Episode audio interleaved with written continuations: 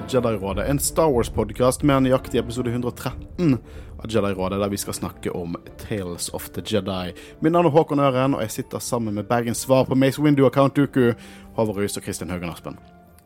Hei, hei. Hva syns dere om de? Passende? Dere er litt redd for at jeg misliker dere som karakter? Kan jeg være. Duku denne gangen? Vil du være Dooku? Ja. En litt sånn mørk, men misforstått karakter. Eh, men Tales of the Jedi, gutta. Seks shorts, rett og slett, i Clone Wars-stil. Mm. Så du ferdig på omtrent en time eller noe sånt? Ja, Time og halvannen. ja, time eller annen, kanskje. Sl uh, sluppet samme dag som den lengste episoden av Endor. Uh, faktisk nå er vi et par halvlitere nede og en kebab i pausen.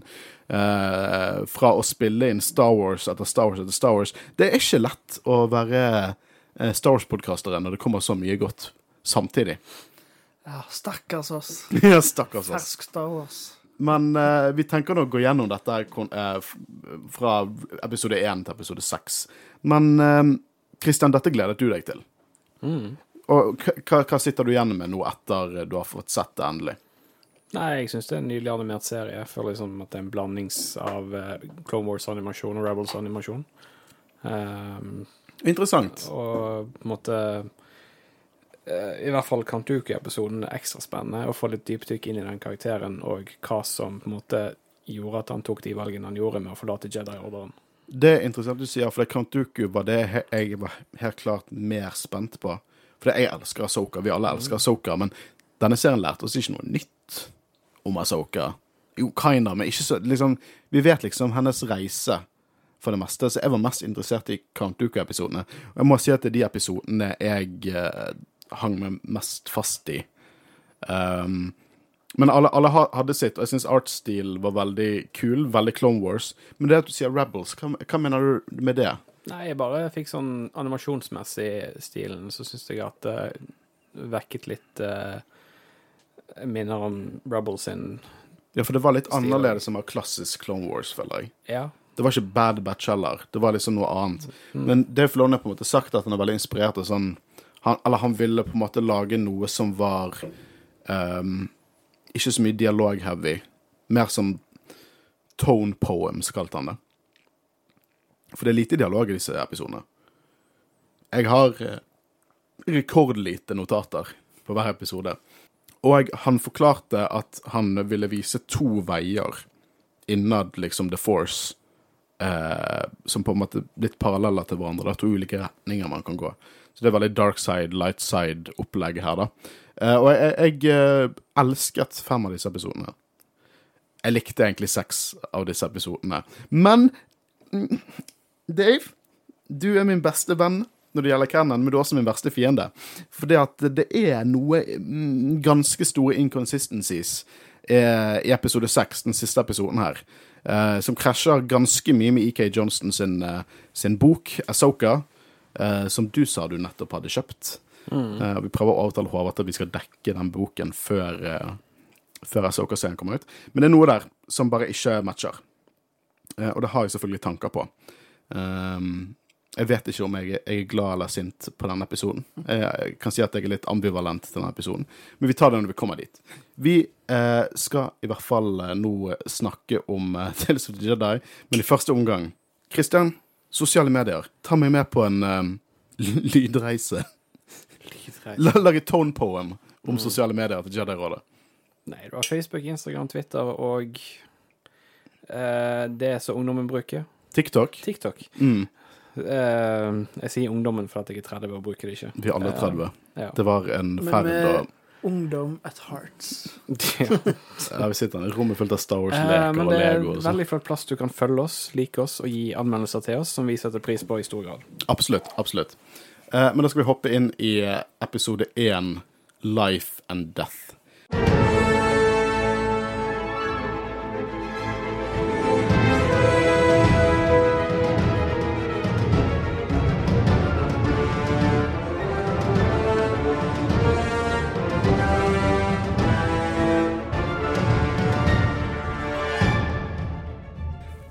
Og hva er det å si om dette? Vi får møte Asoka når hun er baby. vi får bekreftet at uh, det er samme voice actor til Baby Yoda. Det var akkurat så identiske lyder, skal vi ta de to. Første episoden er egentlig ikke så mye å si om. Han er veldig eh, kort og bare gir på en måte et blikk på hvor Soka ble født, og eh, Ja, det er ikke så mye som skjer uten at hun blir kidnappet. Ja, av en, av en løve. Ja. Sabeltanntiger. Men det er på en måte vi, vi, Det er hjemplaneten, og jeg tror det er på planeten Ski. Det er i hvert fall der tok Ruta stammer fra. Ja. Og vi får se eh, hennes mor Pavti, spilt av Janina Gavankar. Og hun spilte jo uh, Aiden Versio i Battlefront eh, 2-campaignen. Eh, så det er veldig kult å se at hun har fått noe mer voice acting-jobber i Star Wars. Eh, faren Nak Il og eh, Gatinka, liksom the, the village shaman, da. Eh, egentlig det jeg tok ut ifra dette, er bare det at hun lærte mye visdom rundt The Force før hun var Jedi. Når moren sier liksom 'respekter alt liv', og ikke vær redd Eller liksom, ikke vær redd døden, liksom face it. Uh, og hun bruker um, Så hun blir kidnappet av en stor løve. Uh, hun bruker det jeg liker å kalle force boop på den løven. Og så liksom helt klart bruker det force på at løven skal ta henne hjem og sånn. Eh, og det konkluderes med at eh, ja, hun, hun eh, har the force, og hun er Jedi. Det er på en måte Asoka sitt første force moment, Mm. basically. Men Selv om jeg kunne på en måte håpet at den episoden, den ene episoden der kunne vært utdypet litt mer. Ja, Kanskje På hvilken måte da? introdusert eh, landsbyen Ja. bedre. Få litt mer innblikk i hvor Asoka kommer fra, hvem er disse folkene. um, og den type ting. ja jeg, eh, jeg likte på en måte leksen til episoden, men det var ikke så Det var liksom ikke Det var ikke stort behov for å se den igjen. Um, det jeg hang meg mest opp, fast på, var litt sånn Litt den der Prodo-Force-læringen hun fikk fra moren. Jeg syns det var en fin ting. Og jeg syns òg hun der sammen eh, Måten hun på en måte reagerte på når moren tok Asoka med på jakt, akkurat som hun merka det, så eh, Om hun har force powers, men det virker i hvert fall som om hun var knytta til The Force på en eller annen måte, da. Og uh, hun visste jo naturligvis hvem The Jedi var, uh, fordi når Asoka kommer tilbake, så spurte jo mora liksom hvordan skjedde dette? Og så sa hun Asoka is Jedi. Um, så jeg syns det var ja, en kort og fin eh, episode. Jeg, eh, Ja, det, det er liksom Det er en søt episode. Det er en søt episode. Baby Soka er søt. Chubby cheeks. jeg vet ikke om jeg la litt for mye vekt på eh, ansiktsuttrykkene, men jeg følte liksom at når uh, den sjamanen sa at uh, hun var Jedi, at de på en måte ble nesten litt lei seg, fordi omtrent jeg Jeg tror at hun må reise vekk. Ja, at, jeg antar at de, de visste da at det betyr at da Eller hun må jo ikke det. At på en måte kommer til å miste Asoka til Jedi-ordren. Mm. Eh, det er noe annet jeg eh, hang meg fast på. Dere så de hjortene på to bein. Kenguruhjortene. Det er en eh, kubuk. Kubuk. Eh, og det er en Legends-ting. Eh, vi så den mest kjent i Tartaroskis Clone Wars. Det er to der animerte Clone Wars. Der Yoda eide en sånn og red ut i kamp på en sånn en. Så det er kult at de er med i, eh, i canon, for de har på en måte blitt litt ikoniske. Uh, jeg reagerte på de hønene. Det ser ut som Lothcats, bare hunder. Jeg kan, I notatene mine står det Loth-doggos. Eh, men det er ikke så rart som den helt fuckings ordinære hønen vi får i neste episode. Så vi kan hoppe inn i neste episode. Jeg tror ikke vi har mer å si på episode én. Uh, denne serien er på en måte satt opp For Christian, du mente det var kronologisk i tid. Eh, det var det første jeg tenkte, ja. Ja, for det var det første jeg tenkte òg, men jeg bare Dette, dette virker som det er enda tydeligere når uh, Quaigon Jin er ganske ung. Ja, for dette er episode to, Justice, med en ung Quaigon og Duku som master and apprentice, som er konge. Uh, og det elsket det. Uh, jeg, bare, før vi går inn på det, så må Men jeg bare Når er denne satt da, i forhold til den første? det er, Faktisk var det vanskelig å researche her, for planeter blir ikke nevnt. Karakterer blir ofte ikke nevnt. eh, Tid blir ikke nevnt. Så det eneste jeg kan si, ganske sikkert Jeg tror dette er før The Phantom Menace. no shit, Sherlock. Men jeg vil gi en litt sånn um, En litt cred til Corey Burton, som spiller Doku. eh, som på en måte klarte å spille Han hørtes veldig ut som Snape fra Harry Potter. veldig nasal. Men ah, liksom klassisk Doku kom liksom litt fram når han ble sint. Eh, og så er det veldig gøy at det er Michael Richardson, som er sønnen til Liam Neeson, som spiller unge Liam Neeson. Det Ja, jeg er helt konge. Uh, men hva, hva går denne episoden ut på? Det er en, eh, de er der for å finne en kidnappa senatorsønn. um, så finner de jo ut hvorfor han ble kidnappa, da, og det, det likte jeg veldig godt med disse episodene med Duku, og på en måte at han gradvis bare mister mer og mer troen, både på liksom republikken og senatorene og alt mulig sånn, men også Jedi-ordren, fordi nå trosser han jo på en måte det de skal gjøre, da. At han blir på lag med kidnapperne når senatoren kommer for å få sønnen sin tilbake. Og eh, fordi han ser jo at grunnen til at de har det så fælt på denne planeten, grunnen til at de kidnapper sønnen, er fordi at senatoren er en korrupt drittsekk som eh, ødelegger planeten. Ja, det, det var veldig liksom sånn forståelse for hvorfor folk gjør som de gjør. Til og med når hun ene eh, opprøreren der, eller de kidnapperne, på en måte hadde forrædet sine felles kidnappere. Og fordi, nei, hun var sulten. Og folk hadde gjort, mange hadde gjort det i hennes situasjon. Eh, Doku får på en måte litt innsikt i, i korrupt enkeltindivider i, i republikken og senatet er, og at Jeddaen er sendt der for å på en måte, for å på en måte støtte de, og ikke folkene i republikken.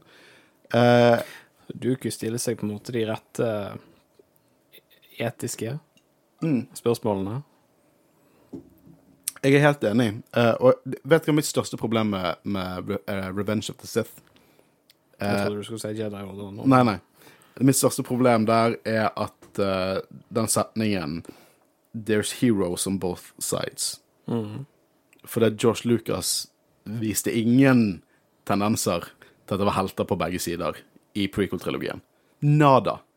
Men her, Clone Wars og dette her, det viser at ja, Count Dooku er en bad guy, men målet hans, liksom det han jobber for, ideologien hans, er ikke nødvendigvis så ond som han tilsynelatende oppfører seg. Eh, Det er jo litt sånn Vi forstår skurkene, litt sånn som Endor. Vi har snakket om Endor. Uh, og jeg syns det var veldig stilig, spesielt når han på en måte går på kidnapperens side, og han på en måte går i en litt sånn Han, han ble tatt av sinne, da. Og da kom klassisk Doku frem, at all korrupsjon må bli tilintetgjort, og han tar Quaigon tilbake i, i veggen, og så må på en måte sønnen til senatoren komme ut og hjelpe redde faren. Ja, for han går skikkelig dark side her, med han bruke sånn kvelningsforce Mm. Uh, Som Anakin gjør sånn annenhver hver tirsdag, òg, kveling. Men eh, jeg, jeg fikk noen andre frysninger når eh, Doku ignited lightsaberen sin når den var blå. Jeg syns det var dritfett. Jeg syns det var konge, ass. Eh, og eh, spesielt når de går inn i den baren, og så det første Doku gjør, er bare han legger lightsaberen sin på liksom bordet. Og det er jeg ganske sikker på at eh, når Dave Filoni fikk jobben til å på en måte styre og overse Clone Wars, så var det en av beskrivelsene til Josh Lucas, hvordan en Jedi oppfører seg i sånne situasjoner. Som en samurai, liksom. Så bare legger verktøyet, ikke truende, bare for Dette er hvem jeg er, dette er hva jeg kan være i stand til hvis jeg må. Legger det oppå der som en jævla samurai. Dritfett, og, jeg, og, og eh, veldig George Lucas. Uh, jeg må også si at jeg digget den nye Tu- Tuton, uh, og det var en hund der. Helt vanlig hund. Det var en helt vanlig hund der. Det bjeffet. Det sto 'dog barking' i subtitles. og så liker jeg den siste setningen, eller ikke siste setningen, men jeg liker når, når Duku og, og Quaigon snakker sammen, og Duku sier at uh, du er en mye klokere Jedi enn jeg noen gang har vært, og så sier du, eh, eh, Qui-Gon, og det er på grunn av din, din lærdom. Så han sier liksom det at eh, Vet du hva, du snakket en del om dette på vår livesending. Hvor mye av Duku det var i Qui-Gon. Og disse episodene virkelig understreker det, føler jeg. Ja, For Quaigon er jo på en måte han, han, han går jo ikke dark side, men han stiller seg sjøl de samme etiske spørsmålene som Ja. Duku gjør, det at eh, Han er jo kritisk til Jedi-ordren, Quaigon. Han ville ikke bli med i rådet i det hele tatt. For han har blitt spurt om det. Men han vil ikke. Mm. Han vil ikke. Han har fått spørsmål. Og også en som stiller seg kritisk til hele konseptet med younglings. Hva er indoktrineringen og på en måte som de ikke skal på en måte ha De skal ikke ha, de skal ikke ha formet seg et individ før de begynner treningen som Jedi, sånn at de kan forme de sånn som de vil. Det høres shady ut, og det er shady, men det er canon. Det er sånn de holder på.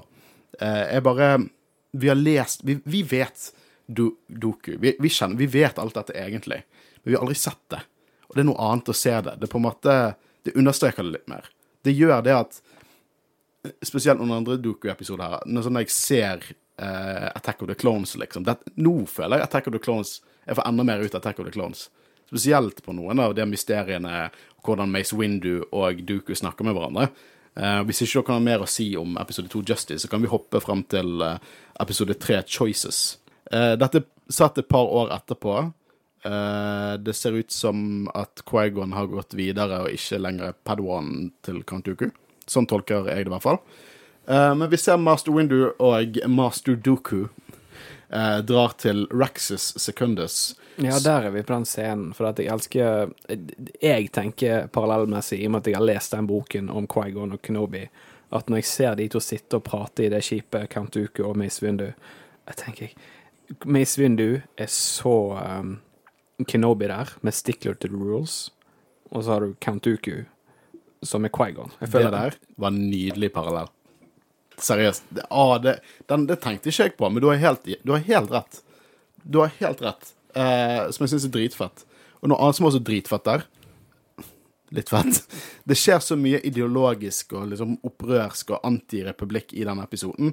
Og Raxus Secundus, den har vi sett før. I Clone Wars og i Bad Batch. Det er det som kommer til å bli separatisthovedstaten. Så Count Dooku kommer til å være på denne planeten senere som lederen av separatistene. Som jeg syns er veldig stilig. Eh, og eh, vi ser nå at en Master Catry, ny karakter Ingenting jeg trengte å researche der. Uh, har blitt drept i bakholdsangrep. eh, som var rettet mot en senator Larrick, også ny karakter. Uh, veldig crime mystery her. Veldig Det er veldig, det er veldig det fikk, jeg, jeg sa til Guro, samboeren min, som dere kommer til å høre litt av senere i dag Jeg sa til henne at det hadde vært jævlig kult med live action, sånn crime mystery med to Jedi. Litt sånn typisk Jeg vet ikke, dokt, uh, Sherlock Holmes, BBC Sherlock Holmes-vibes, liksom. Som Buddy Cop, eller Nei. Nei, bare Ja, litt som Jeg, vet ikke, jeg, jeg tenker det er veldig BBC Sherlock Holmes, med Watson og Sherlock, liksom. Som en masterrunner og en apprentice som skal løse shit. Jeg bare, eh, litt, litt det som er bra i Attack of the Clones, er jo det mysteriet. Som også neste episode igjen kommer til å gå litt inn på. Eh, og nå som Endor leker seg med sjanger, så hvorfor kan ikke Jedien også gjøre det? Jeg tror det kunne vært fett. Jeg vet ikke om jeg har så mye å si her. De møter denne senatoren som jeg med en gang tenkte Å, han er en patsy. Ja, ja, han, han blir brukt. Han er en puppet, liksom. Han er feit og virker litt feig, og så står vaktene i bakgrunnen og ser ut som Dr. Evil, liksom. Så det, det var ikke noe tvil hos meg hva som skjedde her. Vi får en litt sånn kul sekvens der eh, Duku og Mace på en måte undersøker litt, og så kommer kommer fram til at de må ha blitt De kan ikke ha blitt skutt på skipet. Eh, og så viser det at vaktene har drept Catry eh, fordi de hevder at Jedi er bare lapdogs til et korrupt senat. Eh, det viser, de dreper jo eh, De dreper jo han Larrick også nå. Uh, og uh, det viser seg at Larrick har blitt feit og rik på bekostning av sitt folk, og solgt deler av hjemplaneten til industrier, og, og eh, det er jo noe som virkelig treffer Doku litt. Eh, vi legger også merke til her at Doku har en litt sånn aggressiv måte å gå fram på. Trekker trekker lightsaberen, og Mace Windu reagerer på det. Sier 'stand down' Ja, flere ganger. fordi egentlig så skulle de jo ikke undersøke hva som hadde skjedd. De skulle jo bare hente Hente kroppen til uh, Master Matthew. Men er det- Men uh, Dooku ville liksom komme til bunns i faktisk hva som skjedde. Mm. Er det en aggression å bare starte lightsaberen? Jeg føler alle light, lightside-folk uh, gjør det. Luke start, igniter lightsaberen sin før, før uh, Vader gjør det. Jeg tror Obi-Wan gjør det før Vader gjør det. De, de fleste lightside-folk setter opp lightsaberen sin før the dark side-folkene gjør det. Som er helt sikkert bare tilfeldig, men jeg tror litt det Håvard sier, da. At han på en måte var aggressiv, han ville finne ut av dette. Det virker nesten som han ville ta og, og straffe de, på en måte. Eh, det er en kul actionsekvens. Uh, man merker at de har kommet langt med animasjonene sine Clone Wars, i hvert fall på lightsabers. For det tidlig Clone Wars er veldig sånn choppy, på en måte. Nå gjør jeg ting så ikke de som hører på, kan se. Men her var det veldig, det er veldig fluid, uh, og, og eh, det er kult, spesielt når Doku snakker med han ene vakten, for de dreper basically alle, så det er en vakt igjen. Han sier på en måte det at ideologien din har noen gode sider, men metoden er feil. Du må på en måte utvikle deg for å overleve deg, og det gjelder oss alle. Eh, så Doku er helt klart intrigued av alt som har skjedd her, og vi får se på en måte en bitterhet, da, når rådet utnevner Duke, uh, Windu eh, liksom til rådsmedlem for Master Catry sin, uh, sin, sin, plass, eh, fordi at liksom de ser ned på fremgangsmåten til Doku, eh, som på en måte pusher han enda mer mot mørket og mye mer Eh, han stoler ikke på rådet lenger. Eh, og vet du hva jeg ikke stoler på? Eh, Mace Windu, som er en snitcher på Doku. og to, i Attack of the Clone så sier han Nei, Doku, han, han, er, han, han var en Jedi, han har ikke det i seg å være en, en morder. Han reagerte jo på framgangsmåten her. Han så jo at han var for aggressiv, og så kommer det faktisk et par år senere og sånn sånn Nei, nei, Doku, han er bare en teddybjørn, han. Ingen Han kan ikke skade en flue. De er naive, rett og slett. Ja, det Men dette her Men, eh, men Duku tenker jo alle de rette spørsmålene, men han ender jo opp med å ha en helt feil fremgangsmåte til spørsmålene. mm. Og det er, det, er jo, det det er jo litt sånn paralleller vi ser i Endor, da. Sånn med, med Saw Gerrera Mm. og, og til dels Luthen også, egentlig fremgangsmåtene for å oppnå målet sitt. sant? Men selve plottet i episode to og tre er ganske likt, eller er det på en måte Ja, øh, jo det er det. Det er på en måte samme tema de går inn på, egentlig. Uh, men vi hopper jo til konklusjonen av, av Doku-arken, da, så episode fire, The Sith Lord. Uh, først jeg har lyst til å si her, Yaddle, spilt av Bryce Dallas Howard. Amazing. Elsker at hun er spilt av Bryce Dallas Howard. Er Kjekt å endelig se hvorfor hun ikke er med i noe annet enn Phantom Menace. ja, sant. Ja, for vi har ikke hørt Yaddle snakke før. Nei. Og vi har, eh, hvis ikke jeg husker feil, så dette vet du garantert. Yaddle har på en måte dødd i Legends, på en måte. I Legends mener jeg hun døde. Uh, I Canon så ble det bare informert om at etter episode én så gikk hun, hun, gikk hun av rådet for å ville ta en mindre, en mindre rolle i ordren. Det har nå blitt retconnet til at hun gikk av rådet og døde. Men uh, Yaddle er en sånn karakter som Det er en veldig meme-karakter. Det er en karakter jeg egentlig ikke har likt før. Jeg har følt at hennes tilstedeværelse, og at det er ingen fokus på og hun ikke sier noe, gjør at Yoda er mindre spesiell. Men, det, Men ikke nå lenger. men Og er ikke etter Baby Yoda egentlig heller, Grogu heller, fordi at det på en måte har gjort Jeg vet ikke. Yaddle and Yoda had a baby, Grogu. uh, men uh, Jeg prøvde å si, holdt på å sitere noe skittent med Yoda-stemmen, og jeg skal ikke gjøre det. eh, eh, tilgi meg, men var det forrige eller denne episoden Yaddle, Quaigon og Dugu snakket sammen? Det er denne episoden. OK, da har jeg en interessant observasjon når vi kommer dit. Ja, for det er jo der de, de på en måte starter, da, med at de snakker sammen, og dette er parallelt med episode 1 av Phantom Menace. Dette er Dette er De snakker om Darth Maul, som uh, Quaigon nettopp har på en måte møtt på Tatooine. Og det er Liam Neeson som er Quaigon, som er alltid gøy å se. Så da, da har de en samtale der Doku er veldig Virker veldig melankolsk, på en måte. Og de vokser opp så fort, liksom. Og det ser ut som noe plager han. Jeg tror, og Gjedel merker det, helt klart. Men du hadde en tanke på dette? Nei, nei, jeg bare la merke til at eh, når de skulle gå hver sin vei, eh, så ser du tydelig at det stedet eh, går mot, er lyst, mens det punktet Duku går mot, er mørkt. Og dette er sånn episode tre imagery med Anakin i, lys, nei, i mørket og Obi-Wan i, i, Ja. i lyset. Så en veldig, veldig fin detalj jeg tror de har ment å ta med. Ja, garantert. Det tror jeg òg. Går inn mot mørket. De, de er flere sånne Dette er min favorittepisode, by the way, av alt det vi ser. Dette er sånn på samme måte som at slutten av sesong 7 av Clone Wars er dope når det er parallelt med episode 3 av filmene, og dette er parallelt med episode 1, gjør sånn at jeg kan se episode 1 igjen med nye øyne. Uh, og vi får jo på en måte se vi får se, Helt i begynnelsen av episoden ser vi det at han sletter Camino fra arkivene. Bruker Cypher Diaz sin innlogging, rett og slett. Og sletter Det er det vi har hørt om så lenge, og vi vet at det blir gjort, men nå får vi se det. Ja, det, Han har alltid visst at det var Duku som uh, gikk inn Ja, mer eller mindre, liksom. Det Jeg har vel alltid. Det gir jo mening. Ja. Ja, ja men um, jeg syns de detaljene, på en måte, at de på en måte knytter mer og mer sammen ting, er, er ganske kult. Og jeg, jeg håper den dagen vi, de er vekke fra historien som baserer seg fra film 1 til film 6, eller til 9, Mm. eh, at de lager en ultimate cut. Av, Som jeg kan sitte og se, av alt, ja. som jeg kan sitte og se på Men jeg 15 tror det er noen som har laget en sånn fanmade Det en. har de sikkert. Sikkert Det har ligget en fan-made Kenobi-film, men jeg har ikke sett den. ja, jeg vet Jo, jeg, kanskje, men jeg bare Jeg vet ikke. I don't know. I don't know. Jeg likte Kenobi. Sue me. Eh, men uh, de kutter jo til Doku som ser på et tre og snakker om hvordan det på en måte Quaigon som liten var så fascinert over dette treet. At han var født på en planet med, stein, med stein og stål, og her hadde du et lite del av livet, liksom, som var i denne Ikke det glem at det var vel der første gang Quaigon snakket til Yoda. Eller tar jeg feil nå? Uh, det vet jeg ikke. Usikker. Var ikke det med treet?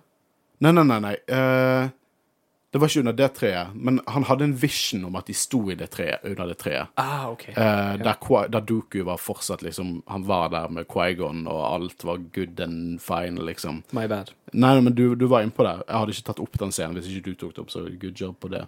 Eh, men så kommer Yaddle, og det er helt klart at dette er etter Quaigon har dødd. Og Doku er ikke interessert i å, å dukke opp i begravelsen. Og sier han bad, com bad company der, og Yaddle på en måte lurer på om han faktisk blamer rådet for dette her. Noe som han helt klart gjør. Eh, og det er liksom snakk om sånn «Å, Stoler ikke dere på Quaigon når de vil høre dette om Sith Lord og bla, bla, bla. Det er egentlig bare å vise det vi så i Phantom Menace, bare fra et annet synspunkt. Ja. Men det som er interessant her, det er det at Palp Naduku og Sidious, de var in cahoots under Phantom Menace. Som jeg syns er bare awesome. Det, det er så interessant. Til og med når, når Sidious hadde Maul som apprentice, hadde han klørne sine på Doku, som bare bekrefta det at Maul var bare en attack dog. Det var ingenting mer i Maul. Maul var bare skulle bli brukt opp, og så skulle Doku være next. Og eh, det gjør jo også veldig kult hvor høyt Maul kom opp å lede sånn underground empire og alt det vi ser i Clone Wars, og bare si at han har bare gjort alt dette til for å gå imot Palpatine, som også, det har vi snakket plenty om, men det er bare kult å se det. Hva tenkte dere når dere så at de var på en måte i Kahoot så tidlig?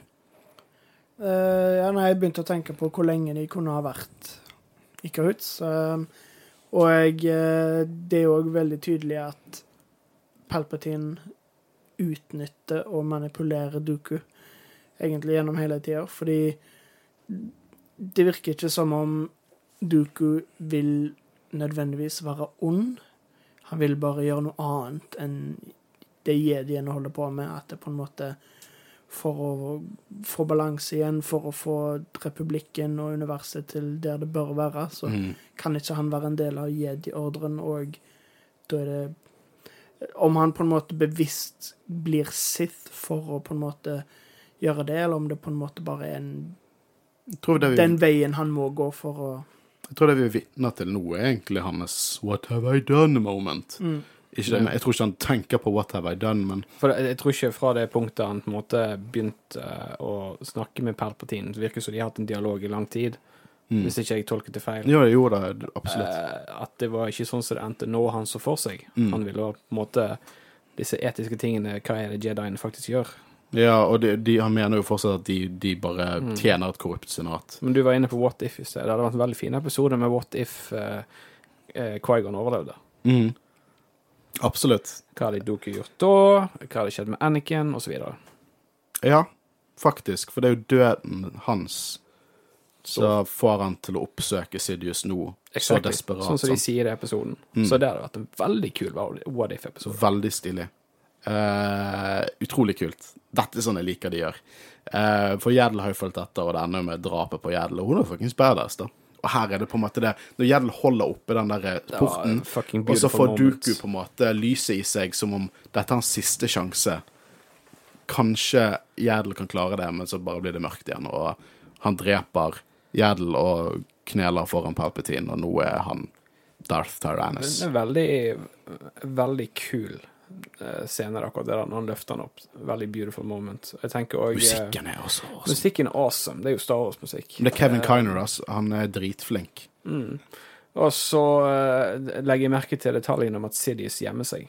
For han er jo redd for å bli gjenkjent. Mm. Hvis Gjell kommer seg unna, så er jo han fucked. Og det er Ian McDermott også, som er gøy.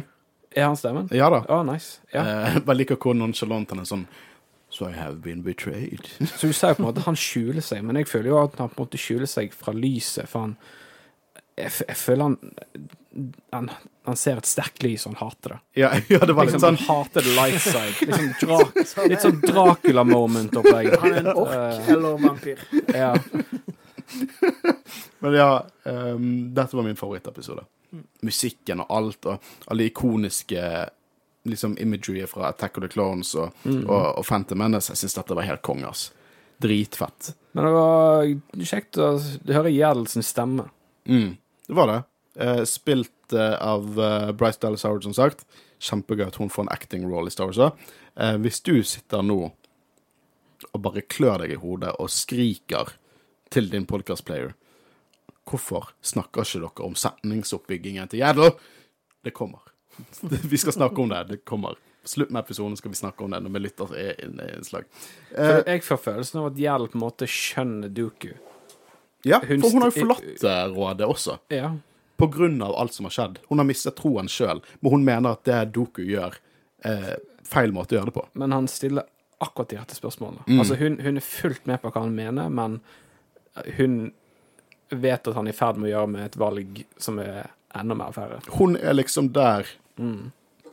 Doku var i forrige episode igjen. Ja, ja. Det er en veldig god parallell til det, på en måte, den, det han snakker med den vakten som drepte uh, jedi-mester Ketri, var det? Ja, jeg tror det var Ketri. Uh, at han uh, skjønner hvorfor han gjør det, men metoden er feil. Mm. Og, eh, jeg vet ikke med dere, men når jeg hører Gjerdel snakke, snakke, snakke, uh, snekre, uh, så Snekre.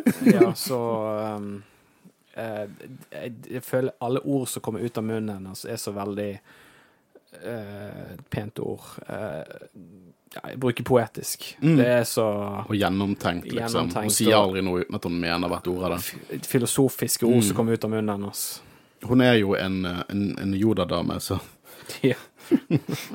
Men vi kan hoppe videre. Var, siste Doku var min favoritting. Det var det jeg var mest interessert i å se. Dokus eh, arken var den kuleste og det mest interessante. Ja, og det var det som Det innfridde absolutt alt jeg forventet av det. Mm. Um, men nå hopper vi inn i episode fem, 'Practice Makes Perfect', som er egentlig veldig interessant, for det på en måte backer opp siste episode av Clone Wars. Det leder opp mot siste episode vi ser i hele serien Clone Wars. Og det er jo det at Asoka som Padawan trener eh, noe som viser seg å være en sånn treningssimulator som alle Jedi må gjennomgå. Eh, der sitter Obi-Wan, og vi ser Depa Bilaba og Caleb, aka Kanan, sitter der. Eh, Det var en kul detalj. det var en kul liten easter egg, syns jeg. Absolutt. Eh, og jeg, eh, all, alle er fornøyd med Asoka. Hun har gjort det dritbra, bortsett fra Anakin. For det at alle gjør, alle trener denne. Alle Jedi må gjennom dette, sier Soka, og så sier Anakin nettopp. Du må ha noe mer spesielt, liksom. Du skal ser- ikke være som alle andre. Da ser du på en måte effekten Anakin har hatt på Soka. For Soka hadde aldri, aldri ikke vært den personen hun er i dag, og den teknikken hun har i dag, hvis ikke det hadde vært for Anakin. Og det, det føler jeg de viser i denne episoden. Mm. Han pushner og pushner og pushner.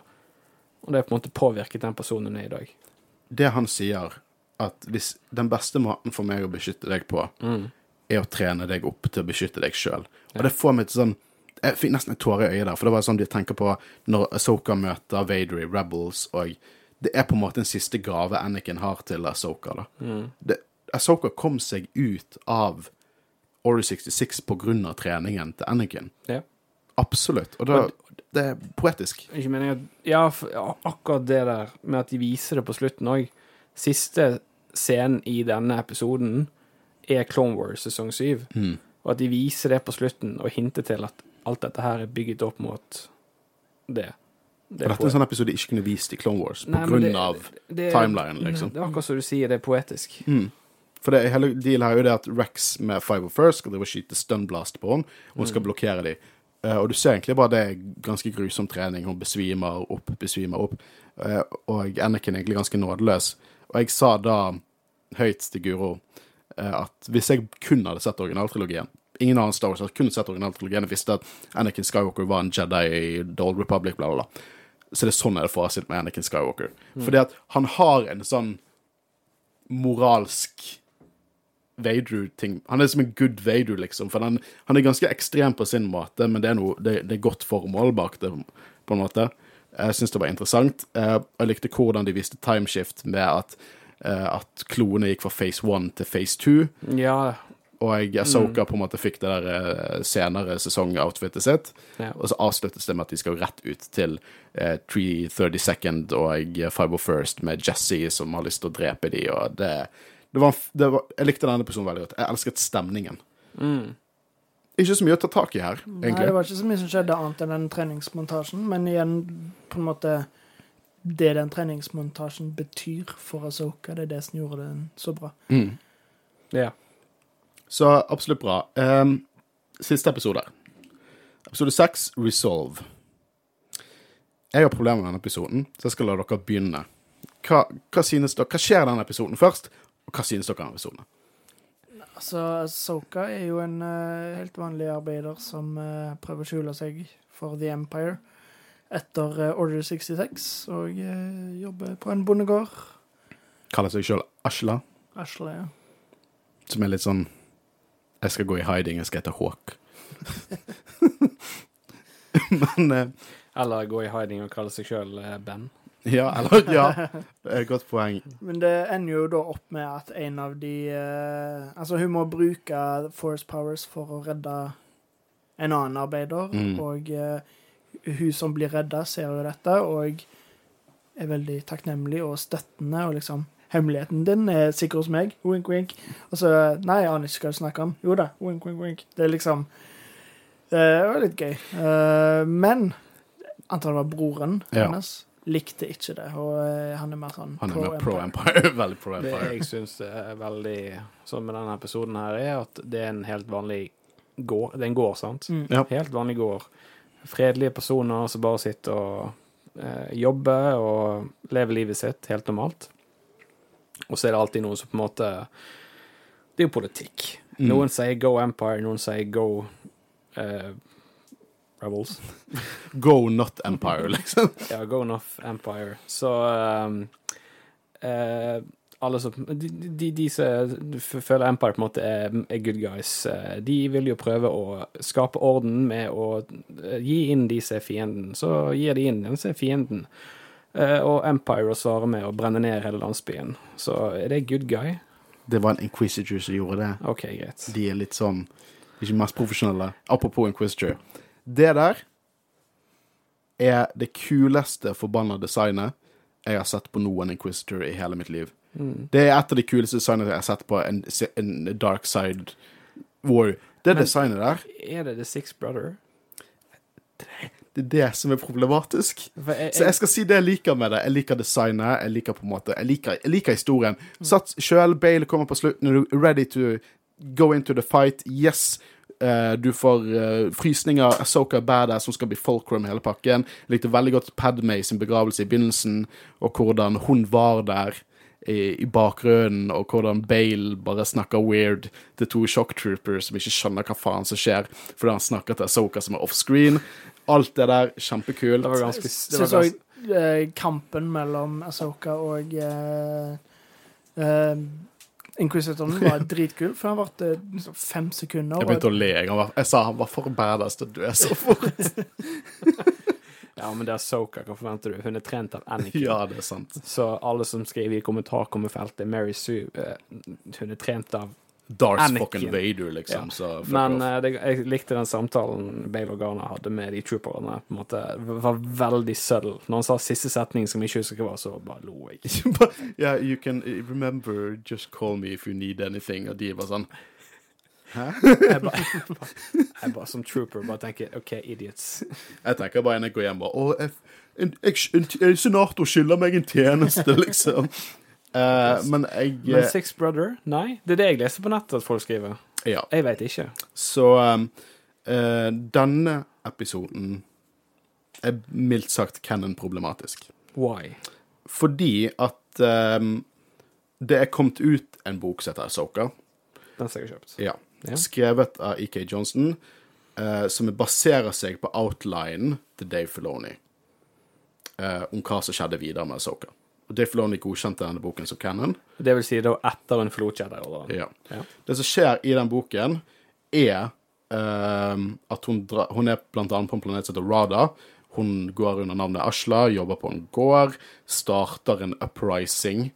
Eh, og som, dette er sånn galaxy-spenning adventure med masse kar karakterer, og det, det ender med at hun har startet en uprising. Uh, The Sixth Brother dukker opp, som hun dreper ved å knuse uh, lightsaberen, liksom dra den fra hverandre med The Force, som eksploderer i han. Hun tar lightsaber-krystallet, gjør de hvite, dette er lightsaberne hun bruker fremtiden. Og alt avsluttes med en ganske stor opprør, eller prodo-rebellion versus empire fight. Og eh, det er basically det som skjer her. Ja. Bare mye større og mye bedre og mye dypere. Så de, den, de hvite lightsaberne som hun purifiserer Mm. eh, fra Inquisitors, det er denne Inquisitoren, The Six Brother? Jeg vet ikke. For det at basically det samme skjer her, men det samme skjer ikke her. Og jeg trodde du nettopp forklarte at Nei. Six Brothers sto i boken. Jo, i boken, men vi vet, vi vet Han her heter bare Inquisitor. De, de samme karakterene er ikke involvert. De Nei. samme hendelsene skjer ikke. Her er det bare Jeg er en bonde, de, får, de betaler for lite for, for kornene våre. Inquisitor kommer, Bale ferdig. Og det, De har basically tatt boken og så bare sånn dyttet det sammen i 15 minutter. Ignorerer masse shit. Gjør det strengt talt mindre kult. OK, så handlingen som vi ser i denne episoden, er egentlig i teorien hele boken. I the wide, wide picture Ja. samme. Men Det kan hende at det samme skjedde på, bare på ny, da? At du Ja, til en annen men for det, for det er sånn de har begynt å, å, å, de har begynt på nettet å teorisere at dette er ikke The Six Brother. The Six Brother har vært med i ganske mye forskjellig canon. Ser helt annerledes ut. Helt annerledes ut. Ikke samme design i det hele tatt. For vi, vi har ikke sett han i Rebels. Nei, vi har sett den i tegneseriene. Ja, OK, da har ikke jeg Ja. kjennskap til ehm, og eh, dette er sånn at The Six Brother driver kommer og undersøker. Hun drar til og fra Rada, og det er stort rebellium som bygger opp, og mange karakterer vi blir kjent med, og det, disse karakterene har ikke navn, og Bale Organa kommer med A-Wings og skyter ned Imperial Tanks, og de, jeg må bare få, få dette ut før det forsvinner noe. At det, det, på internett så er det sånn EK Johnston sier sånn her at Nei, bare bruk Bare det, Ikke gå og, og si at min bok ikke er canon. For det at Dave anerkjente at den var canon. Bare bruk your imagination. Men hvis jeg bruker min imagination, så har to nesten identiske handlinger sånn skjedd på veldig kort avstand fra hverandre. Det er ikke, dette er bare andre på en måte bitte lille opprøret hun starter i gang og det andre inquisitoret hun dreper, men la oss være helt ærlige. Dette er Dave Filoni sin versjon av den boken. Men det matcher ikke Kennedy i det hele tatt. Det Dave har gjort tidligere, er at han har tatt små elementer fra bøkene og endret på det ut ifra det han har laget. Sånn endret på fargene til lightsaberne til Asoka i Clone Wars, endret litt på hvordan kampen gjør, endret litt på sånn om det var natt eller dag når Kanan mistet det var Bilaba, alt det der.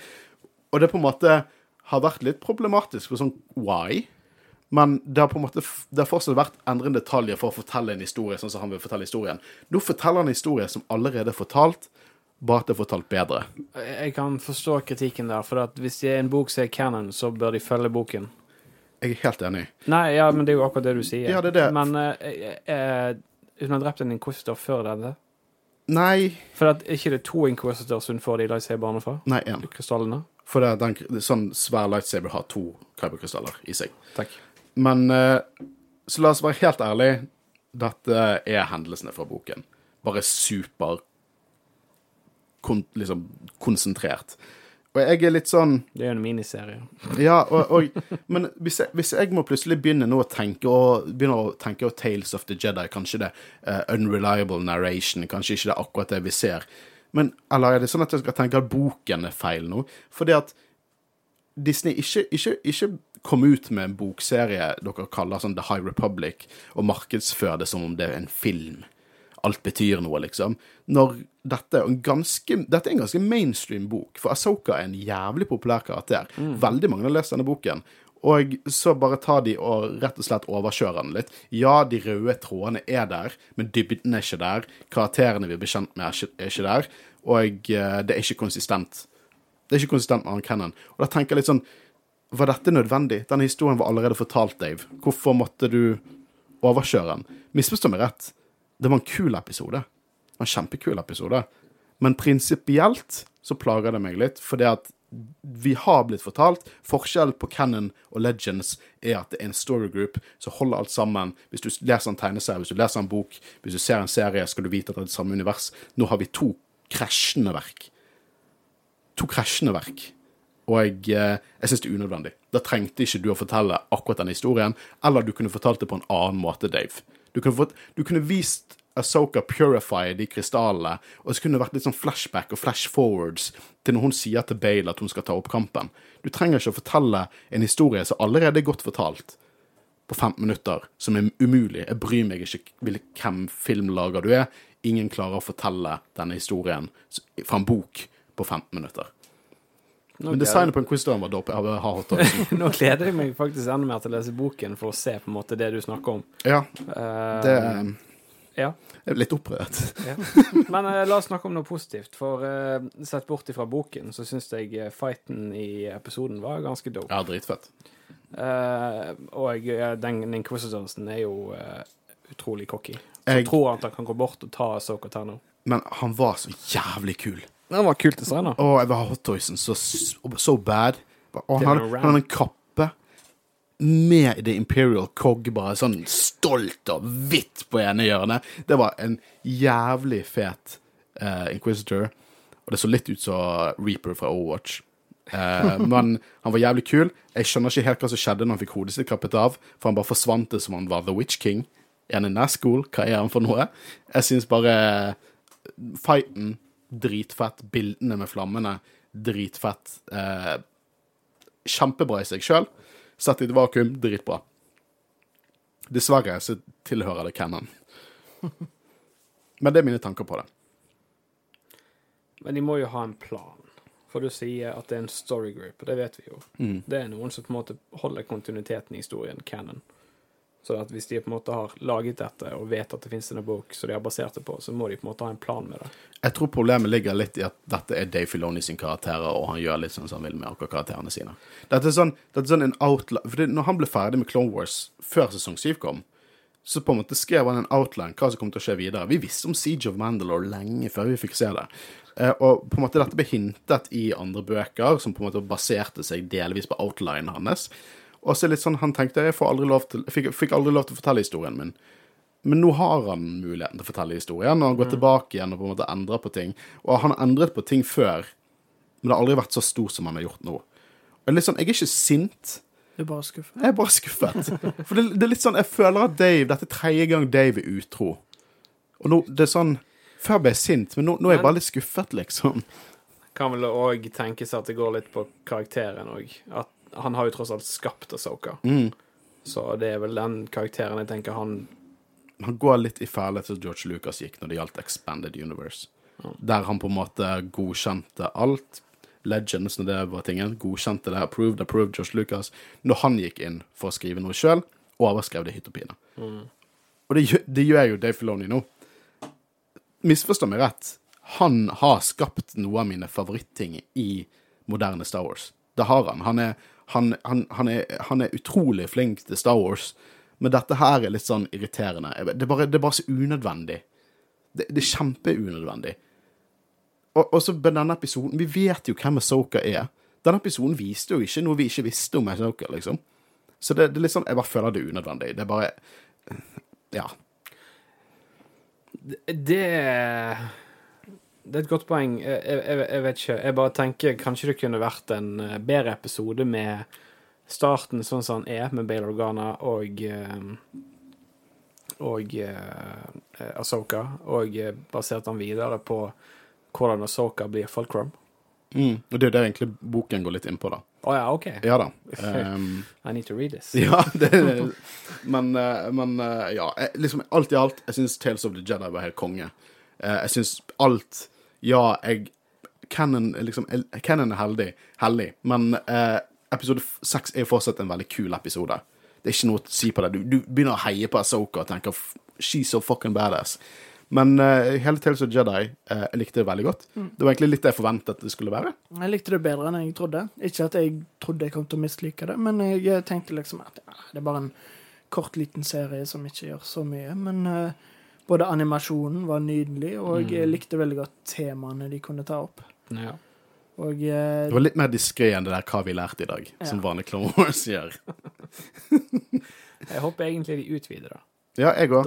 Apropos det, hvilke karakterer hadde dere likt å se i fremtiden i sånne prosjekter? Jeg kunne jo eh, for eksempel likt en ny med Count Dooku der han er med med Cypher Diaz blandet inn, for eksempel. Eh, Jeg kunne likt eh, noe om The Sith, for The. Grand Inquisitor. The Grand Inquisitor. Det ville jeg hatt. Jeg kunne tenkt meg Plagueis og Vet du hva, eh, eh, Hvis de skal ta inn Plagueis, så vil jeg de skal gjøre det svært. Ikke, ikke tre shorts. Da vil, jeg vil ha en film. Jeg vil ha live action Plagueis, jeg.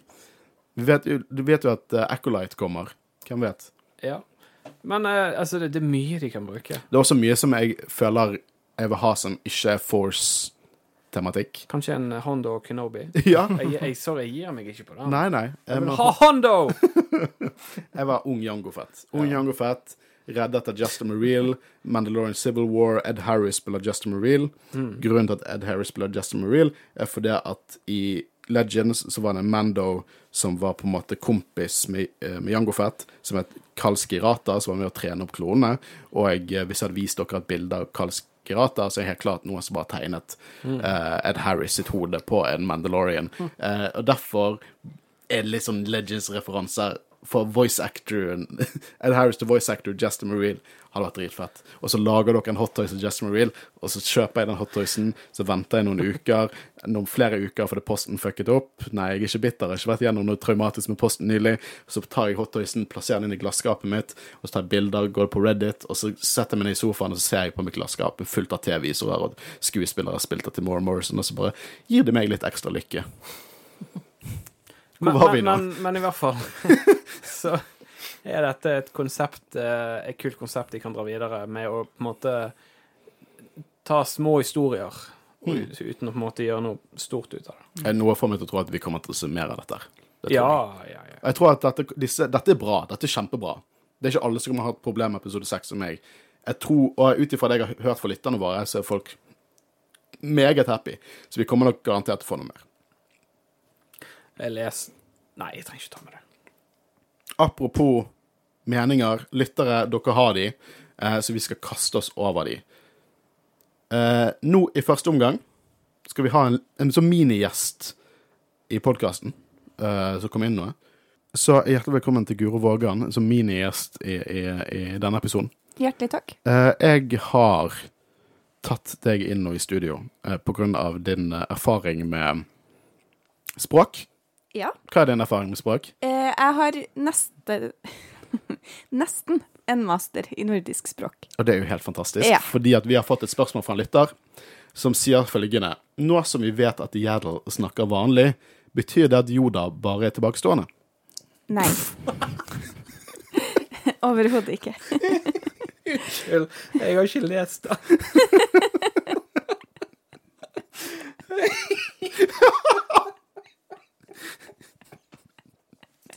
Jeg skal gå, jeg.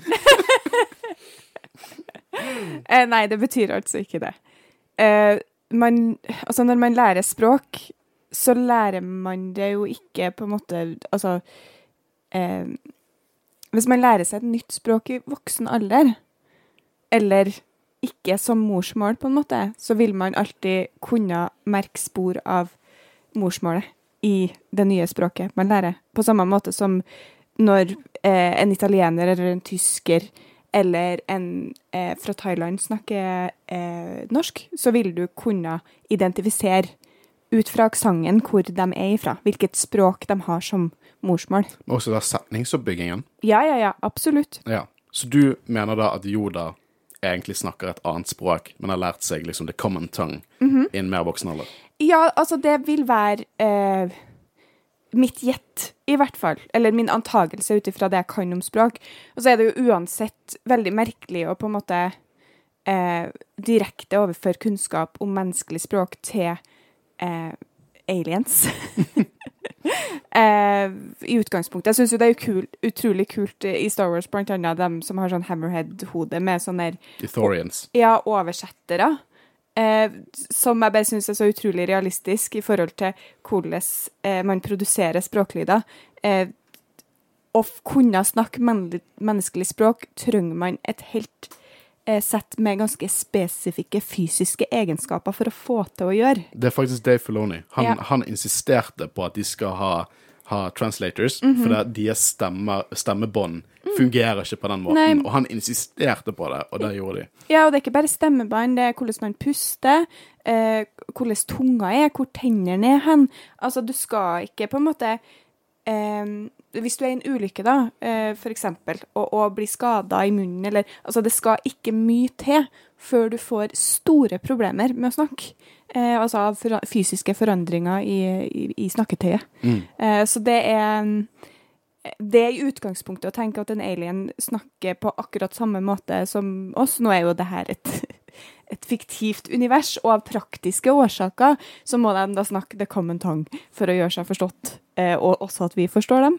Eh, det er jo veldig eh, Altså, jeg skal ikke eh, trekke dem for det, men Og i utgangspunktet tenke at det er naturlig at alle raser kan snakke til common tongue, er altså ikke en selvfølge i det hele tatt. Ja, så kort fortalt, Jædel hun lærte det Commenton ganske i ung alder, hun. Mm. Kanskje også morsmålet hennes. Ja, og kanskje bryr hun seg litt mer. Kanskje, altså det handler også litt Jo da, han Ja, han er ikke så nøye på det. Han er litt eksentrisk. Han, han, det passer han litt at folk syns at han snakker litt rart, på en måte. Det passer jo karakteren. Ja, akkurat. absolutt. Mm. Eh, men tusen takk til deg, Guro. Hvor kan vi se deg neste torsdag? Eh, Da er jeg her. Ja, Ja. og Endor. Mm -hmm. Så det blir bra. Ja. Og tusen takk eh, for eh, din kloke eh, fakta om språk. Du sa det mye bedre enn vi kunne gjort. Da hopper vi tilbake igjen til dere andre lyttere. Jeg håper du ble veldig fornøyd, eh, og nå at du fortsatt ikke tenker at jorda er tilbakestående. Jeg tror, jeg tror jeg skulle si at i forhold til lytterens spill og svar, så det er det beste vi svarer. Definitivt. Kristian, da kan du få lov til å begynne med dine lyttere. Ja. Når jeg innså at det var en ung Duku og Quaigon, chills. Quaigon chills. Uh, Så Eh, jeg ja. regner jo med at eh, dere to, i hvert fall, altså sa, visste fra første scene dere så de to, at det var Quaigon. Ja, dere- at, eh, vi visste jo det egentlig for lenge siden. Det er det som er på en måte litt vår curse. Fordi vi er veldig up to date på ting som kommer, og leaks og trailere og teasere. Så jeg er faktisk litt sjalu, jeg, på å ikke ha noe peiling på denne Tales of the Jedi før jeg ser det. Eh, og det var absolutt chills. Selv om jeg visste at det kom, så var det absolutt chills. Bare tenk på Celebrations neste år, når vi får sneak peek på alt. Ah, fuck, altså, jeg er så jævlig Vi har endelig fått oss sted å bo, så nå er det bare å skaffe alle kostymer. I Sant, Håvard? Ja, det var, var vel eh, Jeg vet du har snakket om ISB, men vi har jo diskutert å kjøpe inn eh, åttepersons uh, Jabba. Jabba. Da vil Guro ikke være fan. Det hennes, hun hater den karakteren. Eh, skal vi se Uh, Hvorfor har Plo Kloon klonerustningen på armene ti år før klonekrigen? Nice idé. Var det noe jeg ikke fikk med meg? Uh, jeg måtte gå tilbake igjen og se. Han har definitivt klonerustning på seg ti år før klonekrigene. Det så jeg ikke. Nei, for de har sikkert bare gjenbrukt animasjoner, eller assets. Og det er litt sånn Sånne feil bryr jeg Jeg bryr meg egentlig ikke om sånne ting. Det tenker jeg bare sånn Det er som, det er som å se Men det er en feil. Det er en feil. Småfeil. Ja. Definitivt en feil. Eh, men uh, ja, Så jeg vil ikke ta de på det, men godt øye, for jeg la Ja. ikke merke til det første gang. Ja, det er- er godt sett. Uh, skal vi se. uh, Obi-Wan med langt Ja, det lå jeg merket òg, jeg bare tenkte. Men eh, Obi-Wan med langt hår midt i Clone Wars så ut som det var rett etter episode Der gikk telefonen min i svart. Eh, så ut som det var rett etter episode to, men det er feil. Ja, det er feil. Men jeg, Jeg kanskje- òg reagerte på den Ja, jeg gjorde det, jeg òg. Også på Anakin. For det, det var liksom Han han hadde jo lengre hår når han først møtte Asoka, og så hadde han kortere hår nå. Men vet du hva? Det kan jo hende. Det kan jo hende at i dette universet så styler de håret sitt litt. Jeg vet ikke. jeg vet ikke. Om det var på en måte en måte å representere at dette var tidligere, fordi det var en time jump her. Så det kan godt hende at de tok litt harde i for å på en måte representere dette tidligere, og så senere. I den episoden. Jeg vet ikke. Det er jo godt mulig, for at det er jo ingen steder i episodene noen av de indikerer hva ti ti tidsæra det foregår i. Ja, de sier det ikke, så vi Nei. må kun ta det via dialog og ting. Nei, Ja. ikke dialog, men det vi ser. Yes. Helt fantastisk. Elsket hvert sekund av det. Tårer flere ganger. Episode fire og seks er de beste. Uh, ja. Episode fire var når Kantuku ja, og Mace konklusjonen Var ikke konklusjonen av Count Dooku? Jo, jo, det var konklusjonen av Count Dooku. Ha- ah, konklusjonen, Ja, ja. enig. Episode fire er min favoritt der. Episode seks skjønner du sikkert at jeg, jeg har litt sånn hat-elsk-forhold til. Eh, men eh, Håvard, du skal få lov til å hoppe inn på dine. Denne vil du skal si med, med Gravitas. Spille. Stakkars Jadel. jeg syns litt synd på henne. At hun bare Verst at jeg liker Gjell nå. Jeg, eh, nå- Ja, kjekt å få se mer av hun. Eh, og jeg døde på en brutal måte. Ja. Jeg, trodde- jeg syns jo det var ganske brutalt når den, den døren falt på hun, og så ble jeg nesten litt sjokkert når hun klarte å åpne den igjen. Og bare for å bli stukket av en lightsaber rett. Um, spennende at han Duku er på en høy grad på Palpatine sin side før Mål døde. Jeg syns det var veldig interessant. Og sier mye om hvordan Palpatine les, leker litt løst med regler, til og med til sin egen liksom religiøse kult. Rule of two, eh, Palpi. Jeg vet ikke, jeg, jeg føler det er noe Du leker litt med reglene som Darth Bane satte opp til deg her. Han har Apprentice, og så har han Puppets. Ja, det er det. Liksom, jeg føler at Jeg tror ikke Darth Bane hadde satt pris på dette Inquisitor-tullet som uh, Vader og Palpatine holder på med. Han synes det hadde vært juks. Men en ting som jeg liker med den kommentaren i sted, stakkars Gjerdel Jeg syns det er veldig, veldig gøy når de på en måte gir mer content til karakterer som vi ikke har eh, sett noe til i det hele tatt i forkant, spesielt i da serier, uten å tenke ikke på comics eller bøker. Eh, for Gjerdel, for min del, har bare vært et stille ansikt på Jedi-rådet. Det har vært en meme. Ja, For meg har det vært et meme. Så, så jeg syns det er spesielt det er ganske stilig. Jeg syns det er kjempekult. Og gjerne inkludert flere, for jeg har bare sett én til av de karakterene på rådet som på en måte ikke har vært veldig sentrale i filmene eller i seriene. Uh, nei, nå tar jeg litt feil, for Plo Kloon var jo en Glem det jeg nettopp sa. Nei, men du, For at jeg, ja, men jeg hadde tenkt å dra inn uh, uh, Robot Chicken. Spesielt den ene lenge siden vi har snakket om Robot Chicken. Det er det faktisk. Men jeg har ikke noe poeng, så jeg tenker Håvard kan få gå videre. Men du hadde poeng i begynnelsen, i hvert fall. ja, ja, ja, ja. Beklager. Den neste kommentaren er min favoritt. Å, nå er jeg spent. Litt lang episode. Det er, jeg vet ikke om det er tull. for Det må jo være tull. Jeg elsket jeg vet ikke, altså, Det er laget på Instagram. Jeg sendte til de to en uh, meme uh, der det er Tales of the Jedi-poster, og så står det under med Anakin uh, fra episode tre, når han snakker med Grievous, der han sier You're shorter than I expected. Så det som har skjedd med meg, er at denne podkasten har fucket meg litt opp. For Før i tiden, hvis jeg fant ut at Bad Batch ble utsatt, så hadde jeg vært sånn Hvorfor? Jeg vil ha det nå. Og nå er det sånn Å, takk. Jeg vet ikke om jeg hadde klart å dekke to serier, to episoder i uken fremover. Og eh, når eh, Tales of the Jedi kom ut samme dag som Endor, så er jeg bare takknemlig at det er så kort. For det er så mye enklere å dekke. Så kort, og i tillegg at det kommer på en gang. Men det er jo lett det du, det du sier. Hvis ikke du hadde hatt en Star Wars-podkast, meningen du har sagt, Håkon, er, da hadde du drept i det. Da hadde du sagt 'give me all'. Alt på en gang. alt på en gang. Absolutt alt på en gang. Um, så eh, ja, det, det, var, det er hardt. Det er ikke lett, dette her. Men den vil du føle på neste år. Ja, at det kommer mye? Nei, at, eh, for det at Mando krasjer med Bad Batch, ikke det? Jo, muligens. Jo, mest sannsynlig jo. Ja, Åh. ja. Åh, ja, åh, Jesus. Eh, den siste kommentaren jeg har, er Hallo, Duku og Mace Windu. Duoen vi ikke visste vi trengte, men som var fuckings badass. Og når vi snakker om badass, Asoka fucking Tano. Fytti katta. Synes første og andre episode var Snork Snorkesen. Men resten mesterverk. Apropos mesterverk, det var mesterverket av en, eh, av en lytterinnspill, må jeg si gratulerer på den. Eh, men ja, Mace Windu og Count Dooku, ass, eh, det får meg til å ha lyst til å se Attack of the Clones når de begynner å snakke om My Old Friend og alt det der. Det, bare, det gir retroaktiv ny til verk vi allerede har hatt i 20 år nå, og eh, det er det jeg liker når canon blir respektert. Da blir jeg glad, Fordi da kan jeg få retroaktiv nytelse, istedenfor å tenke at å, det jeg visste før, det er ikke sant lenger. OK, Dave? Nå er jeg ferdig med det. Jeg lover. Jeg skal ikke ta det opp mer engang. Jeg er ferdig med det. Lagt ned. Jeg har noen lyttere, jeg òg. Fantastisk historie som utfyller universet. Asoka er den ultimate badass. Wow. Uh, jeg er så glad at det er så mange fans av Asoka. Jeg. jeg bare, hun, hun har hatt liksom den underdog eh, fortellingen, sånn rent meta, mest forhatte til en av sikkert på mesteparten av fandomens liksom, topp fem-liste av karakterer. Garantert. Eh, hun er garantert en av mine favoritt-lightside-karakterer.